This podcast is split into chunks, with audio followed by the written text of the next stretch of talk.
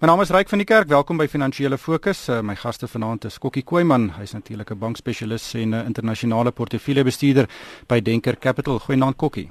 Hallo Ryk. En in Pretoria is uh, Dawie Klopper, hy's 'n beleggingskenner by PSG. Goeienaand Dawie. Goeienaand Ryk en Kokkie. Kokkie, kom ons begin met die banke se gekno skynbare geknoeiery met die wisselkoers. Daar's natuurlik 17 banke betrokke. Die mededingingskommissie het hierdie week hierdie banke verwys vir vervolging na die mededingingstribunaal. Uh, Daar's drie Suid-Afrikaanse banke betrokke, Investec, Standard Bank en Absa. Ehm um, en en uh, ek dink nie hierdie kon op 'n slegter tyd gekom het vir die banke nie. Ehm um, hierdie ongeruimthede is skynbaar deur enkele individue gepleeg om hulle eie sakke te verryk. Ehm um, en hulle het nie eintlik die wisselkoers wesentlik beïnvloed nie en dit lyk as ek nie lyk nie of dit regtig bankbeleid was nie. Ehm um, aan die ander kant het van die partye politieke partye nou probeer hulle nou mintslaan hier uit. Ehm um, en dis in 'n tyd wat banke se beheer oor die ekonomie bevraagteken word. Ehm um, en uh, en die van die uh, politieke faksie sê dis dalk dat dui daarop dat daar wyd verspreide korrupsie binne die banke is. Uh wat is jou indrukke van van wat hier aangaan? Ja, Rick, jy, jy het dit redelik goed opgesom. Dit is dit is ontsaglik jammer en veral in terme van die tydsberekening dat dit gebeur, maar dit is altyd jammer as so iets gebeur. Ehm, um, maar ek dink presies soos jy sê, dit is 'n paar individue binne sekere afdelings, want natuurlik die die die afdeling buitelandse valuta handel van die van die individuele banke. Ehm um, en ek sou baie baie baie verbaas wees as senior bestuur uh, hiervan weet en indien hulle weet dan moet hulle inderdaad ook vervolg word. Ehm um, maar ek sou sê dit is 'n paar individue wat wat die bankwese en die banke spesifiek 'n uh, baie slegte naam gee, maar dit dui wel op wat wat eh uh, die kapitalisme ongelukkig toelaat as daar nie goeie regulasie is nie, verkeerde intensiewe eh uh, insentiewe. So die die die die individue kry groot bonusse as hulle winste maak in daai afdelings in die afdelings en dus dit het daartoe gelei dat ehm um, weet hulle so optree. Ehm um, nou ja, dus ek dink wat ons gaan sien, ons gaan verskerpte regulasies sien veral in hierdie mark wat baie man, maklik manipuleerbaar is as relatief min spelers in groot volumes. Ehm uh, maar intussen gaan eh uh, die politici minslaan hier uit. Ja. Dawie, ehm um, ek het in die Sunday Times vandag gelees baie interessante opmerking ehm um, van van die kommissaris by die uh, mededingingskommissie en dit is dat uh, hulle reeds gepraat het met die banke en daar was uh, amper 'n sprake dat hulle is 'n uh, skikking wou um, onderhandel en die banke wou toe nie. Ehm um, ek weet nou nie presies wat daar gebeur het nie, maar uh, dink jy die banke hanteer hierdie hierdie storie goed? Mense indruk is dat die banke dit nie vinnig genoeg reg gehanteer het nie. Banke moet absoluut skoon wees. En soos Kokkie en jy ook net nou genoem het, die tydspreking van hierdie ding is absoluut sleg. Dit is ammunisie vir die sogenaamde anti-bitkapitaalgroepering. Dis manne uit die hemel wat vir Zuma en hierdie klas van ding. So die banke moet absoluut skoon wees en hulle moet skoon kom. Al is dit so dat hierdie saak ehm um, miskien op 'n baie beperkte um, skaal gebeur het mens moet vra as jy oor hierdie goed dink is hoe lyk die bonusstrukture van hierdie werknemers dat dit vermoontlik is en dat hulle aangemoedig word om waarskynlik hierdie tipe goed te pleeg um, dat hulle daardeur persoonlik kan baat. So dis die uh, mense wil gesien dat die banke sê wat gaan hulle eintlik doen? Hoe gaan hulle keer dat dit weer gebeur en dat hulle absoluut vinnig uitkom dat hulle miskien die voorbeeld volg van een van ons motorhandelaars, motormaatskappye wat nie so vinnig opgetree het toe hulle 'n krisis beleef het nie, dat hulle 'n blaadjie uit daai boek gaan neem en blits vinnig ehm um, sê hoe gaan hulle hierdie saak hanteer en wat gaan hulle dan doen? Ja. Kokkie, wat wil wat sal jy graag wil sien moet gebeur? Wel, ek dink soos eh uh, Dawie sê, ek ek het verwag en ek het gehoop die bestuur, die senior bestuur en die bestuurende direkteur dan spesifiek van die banke sou sterk uitkom en sê dat hierdie is absoluut teen alles waarin hulle glo en dat presies wie daar sê integriteit in die bankwese is van die uiterste belang en dat hulle sal hulle nie onderneem persoonlik dat hierdie saak tot in die diepte uh tot in die grond ondersoek gaan word en die en die paar skuldiges uh inderdaad skuldig bevind word en dat hulle ten volle saam sal werk uh met die owerhede. En jammer genoeg is dat tot dusver stil swaai, né? En ek weet daar is allerlei regsimplikasies van wat jy sê en wat jy nie sê nie. Maar as jy en ek dink ek seker hulle glo dat dit wat gebeur het verkeerd is en en glad nie toegelaat behoort te word binne die bank nie, dan moet jy sterk uitkom daarvoor. Dus ja, ek is teleurgestel uh in in die banke se reaksie sover. Hmm. Dan daar weer die ISO 17 banke betrokke, daar's nie drie Suid-Afrikaanse banke en en die buitelandse banke was tot nou toe nog toepstil. Uh en hulle het reeks uh, groot pakslaag gekry by ander regulatoriese owerhede reg oor die wêreld. Ek dink die totale boetes boetes en skikkings is meer as 10 miljard dollar. Ehm um, so is regtig, dit lyk of hierdie gesang in die gras is en en dis net jammer dat ons nou hierdie politieke gee rondom rondom hierdie hele situasie het. Dit dit is so die drie banke by ons Investec Standard Bank en Absa en aandelepryse het dusver nie vreeslik ehm um, deurgeloop nie, um, marginaal gedaal Vrydag ehm um, so die mark lyk my nie te bekommerd te wees oor hoe die ding gaan uitspeel nie. Ja, die boetes is groot internasionaal ook gewees en dit is dan nou iets wat al lank al kom en amper juist toe hulle hierdie boetes gesien kom het wat oor see redelik bekend was dat dit um, ondersoek word, moes ons banke vinniger seker gemaak het dat dit nie ook by hulle aan die gebeur is nie. So Mense moet weet dat hierdie transaksies, die marges hierop, ehm um, was miskien maar groter as wat dit andersins sou gewees het. So, maar dis nie hierdie marges as jy 'n transaksie doen wat dan miskien groter is as wat dit hoef te gewees het. Ek en jy dalk daarvoor betaal dat hierdie samespanning plaasgevind het. Maar ehm um, dit was daarom ook nie van so 'n aard dat dit die wisselkoers rigting sou bepaal het. So, ehm um, ja, die, die, dit is jammer dat dit net nie vinnig genoeg hanteer was deur deur ons eie banke nie.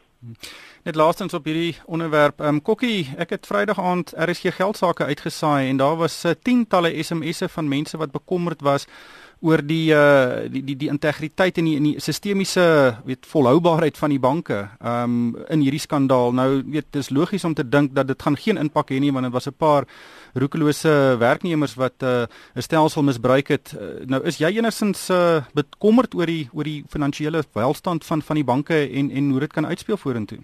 Nee glad nie.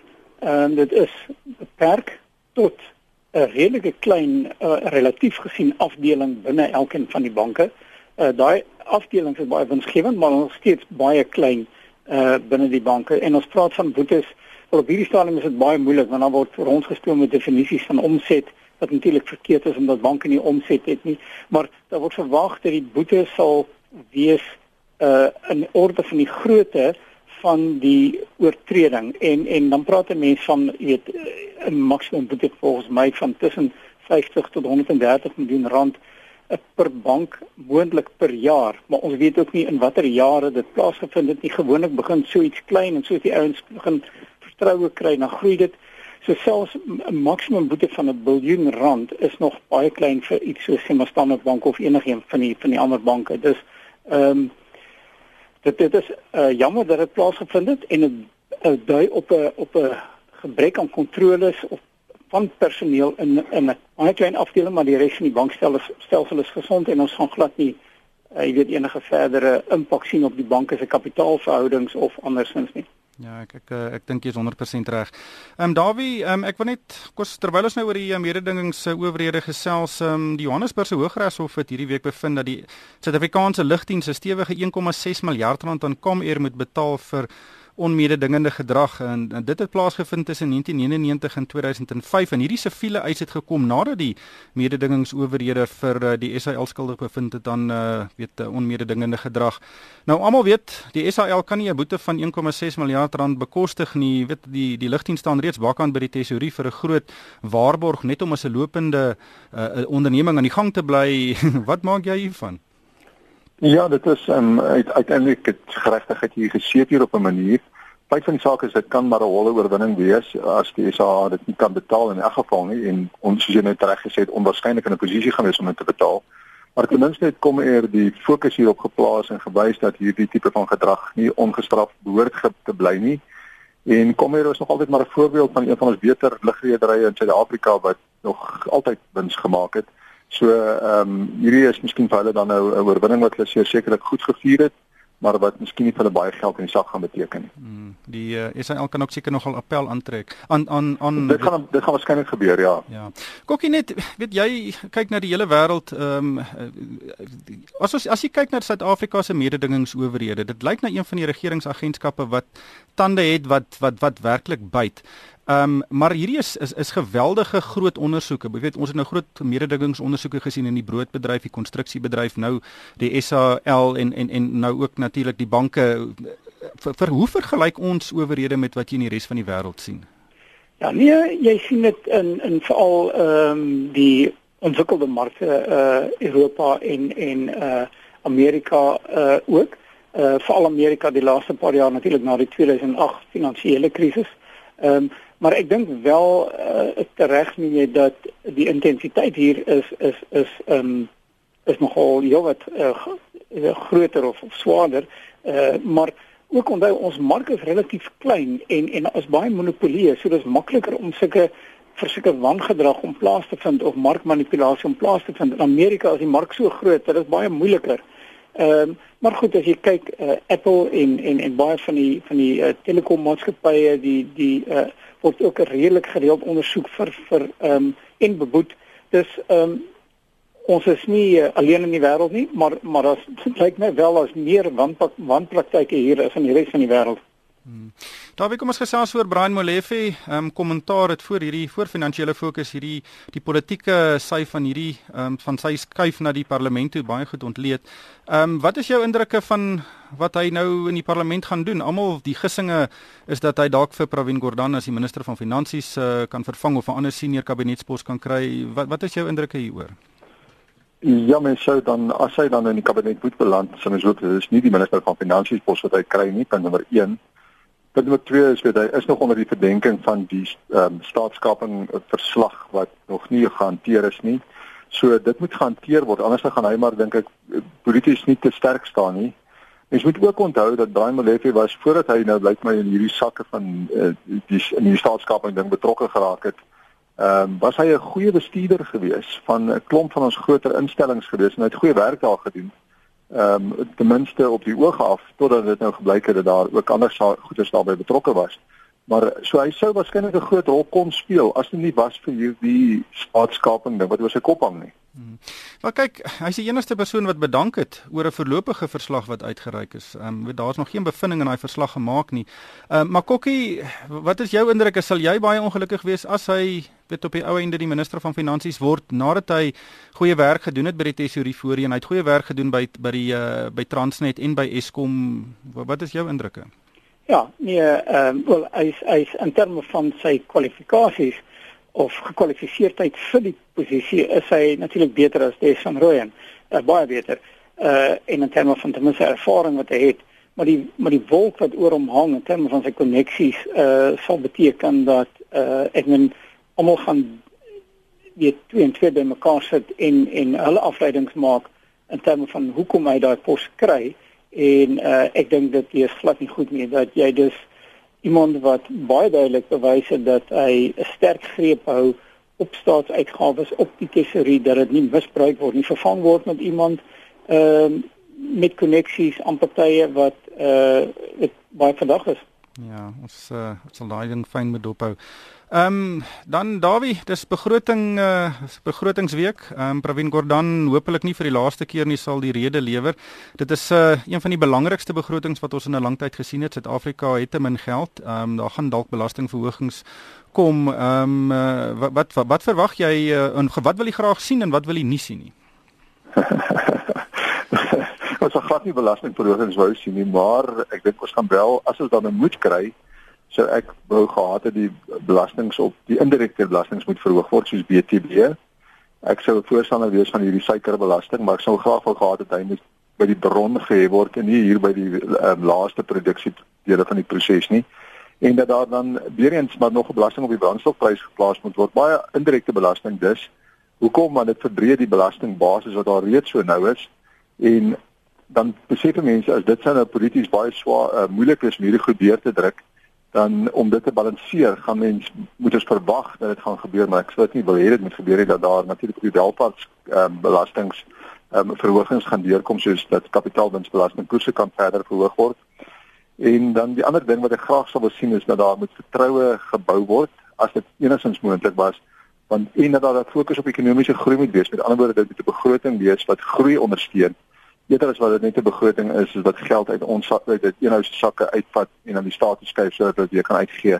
En en in daai verband weer 'n keer uiteindelik met die tekortverlening sodat onder 3% kan kom, maar dit sou goed wees vir ons ehm um, rentemarkte, vir ons effekte markte. Hmm. Kokkie? Ja, nee, ehm um, ek sou nie uh baie kan byvoeg aan wat Dawie gesê het nie, maar ek ek dink die belangrikste seker is dat uh presies soos hy gesê dat daar nie te veel staatsuitgawes is nie en dat en dat uh, dit beheer word en dat uh jy weet daar 'n klem moet 'n verskuiving moet wees uh om die private sektor insentiewe te gee om werk te skep. Jy weet on, on, maar maar dit is onwaarskynlik dat dit tot 'n groot mate gaan gebeur. Ehm uh, maar ja, jou ideaal is natuurlik uh, dat BTW verhoog word, maar dit is polities gaan dit nie aanvaarbaar wees nie. So ek dink hy gaan maar probeer om om die om die skade so min as moontlik te maak om sy die gat wat hy het te vul. Ja. Ja, Dawie, weet ek ek dink dit is 'n goeie idee. Dis die mees logiese ding om BTW op te skuif, maar in die huidige politieke klimaat gaan dit uh, nie gebeur nie. Ek is 99% seker dit gaan nie gebeur nie en dit beteken net dat 'n uh, persoonlike inkomstebelasting veral van ryk mense gaan weet verder styg.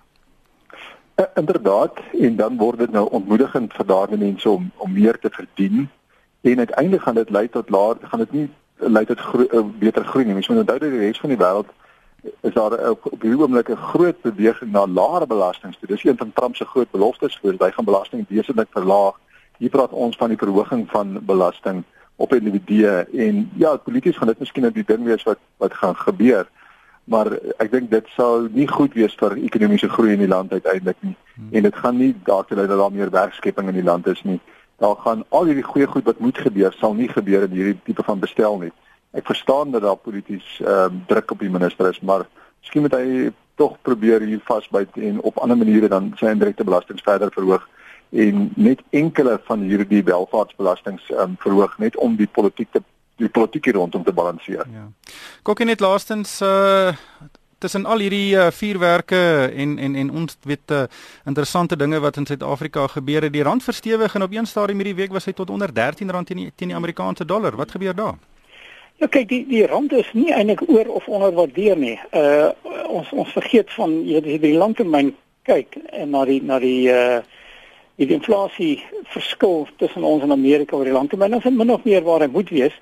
En natuurlik daar's baie dinge wat wat in Suid-Afrika se guns is. Die kommoditeitssiklus draai en ons ons ons uitvoere kommoditeitsuitvoere bring meer buitelandse valuta in. Uh verlede jaar was was buitelandse beleggers sterk verkopers van ons staatseffekte en aandele uh, en daar is geld wat terugkom na opkomende markte. Dus jy weet ek kan verstaan dat daar dat daar geld inkom. Ons ons voel natuurlik emosioneel oor die saak en ons kyk na na 'n langer termyn wat die regering besig is om te doen. En dan sê ja, jy weet hoe kan hierdie geld eenheid verstewig? Maar daar's baie markspelers wat korttermyn sienings neem. Maar in die korttermyn amper sou mense voel dit het bietjie te ver gegaan, maar hy's nie dramaties oor of onderwaardeer nie. Mm. Ongelukkig het die tyd ons ingehaal. Baie dankie aan Dawie Klopper van PSG en Kokkie Koeman van Denker Capital en vir myself Ryk van die Kerk. Dankie vir die saamluister en ek koop almal met 'n winsgewende week.